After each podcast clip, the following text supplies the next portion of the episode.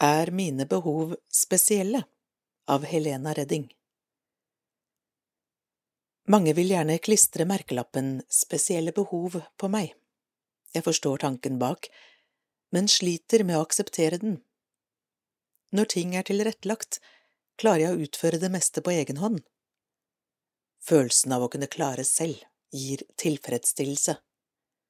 Ja, det kan være kjekt å få hjelp til det ene og det andre innimellom, men å få mulighet til å klare seg selv gir mestring. Det gir en følelse av å være som alle andre. Mange vil gjerne klistre merkelappen spesielle behov på meg. Jeg forstår tanken bak, og selv om mange lever godt med en slik merkelapp, sliter jeg med å akseptere den. Hvorfor? Jo, fordi jeg føler ikke at jeg har noen spesielle behov. Jeg har hatt behov for en utdanning og å ha inntekt for å kunne få tak over hodet og mat på bordet.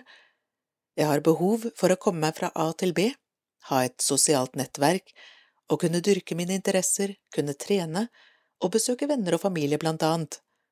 Hva av dette gjør meg annerledes enn deg?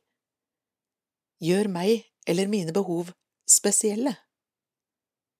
Det jeg derimot ofte står fremfor, er at jeg har behov for spesielle løsninger for å kunne få dekket mine behov. Jeg behøver tilrettelegging på skole eller jobb i form av for eksempel en PC med talesyntese eller leselist, få brev og bøker sendt elektronisk eller på lyd, trenger opplæring i å orientere meg på nye områder, og kanskje noen andre hjelpemidler for å kunne utføre mine oppgaver på best mulig måte. Når jeg tar offentlig kommunikasjon for å komme meg på jobb, i butikk, til legen eller på besøk, behøver jeg opprop på holdeplasser. Dette for å vite hvor jeg er og når jeg skal av. Når jeg er mindre kjent i et område, har jeg behov for en taxi som kan kjøre meg fra dør til dør. Det hjelper jo så lite at reisen er tilrettelagt hvis jeg ikke kan veien fra bussholdeplassen og dit jeg skal. Jeg behøver å bli møtt på butikken av en ansatt som kan hjelpe meg å finne de varene jeg er ute etter, og at en kan si ifra til meg når det er min tur der jeg står i kø. Men hva av dette gjør mine behov noe mer spesielle enn andres? Med den teknologiske utviklingen som har funnet sted de siste årene, har mange nye dører åpnet seg for meg. Å kunne skanne inn et tilsendt brev eller bruke en app for å hjelpe meg å orientere meg utendørs, eller finne frem til butikken jeg er ute etter. Teknologien gir meg også muligheter, som å innhente informasjon på internettet, fylle ut diverse skjemaer, ta bilder eller få synstolket en film på kino, for å nevne noe. Men eh, teknologien har også skapt nye barrierer.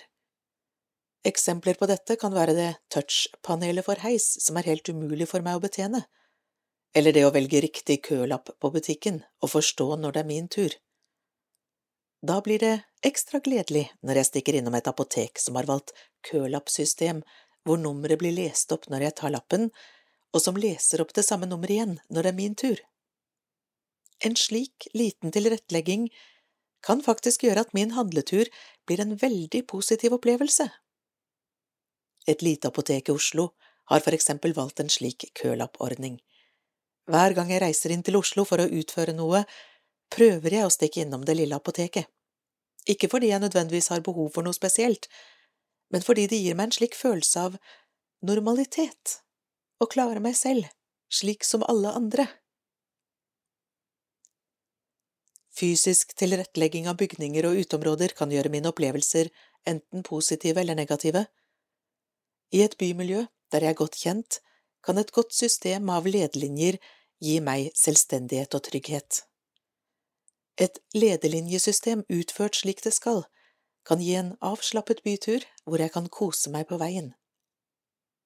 Når noen kommuner derimot klarer å gjøre en godt tilrettelagt uteområde til farlige labyrinter med umerkede eller feilmerkede farer, ja, da kan en hyggelig bytur bli et energisluk uten like.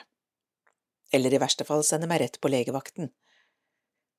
Lederlinjesystem er som et vakkert språk når det henger sammen slik det skal, men kan virke uforståelig og forvirrende når det er lite gjennomtenkt.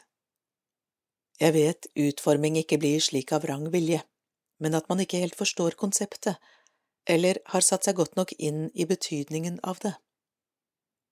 Et faresignal foran første trinn på en trapp ned kan gjøre meg i stand til å gå ned den trappen trygt og godt.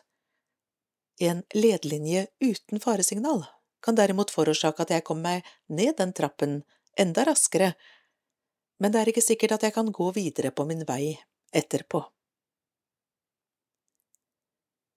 Jeg har forståelse for at verden aldri vil bli fullt ut tilrettelagt for synshemmede, og at jeg vil ha behov for en arm eller annen form for assistanse både her og der for å få dekket mine behov her i livet, men å oppleve en godt tilrettelagt togstasjon, uteområde eller butikk kan gjøre livet så mye hyggeligere. Det gir trygghet, mestring og ikke minst følelsen av å være som alle andre, en liten stund i hvert fall.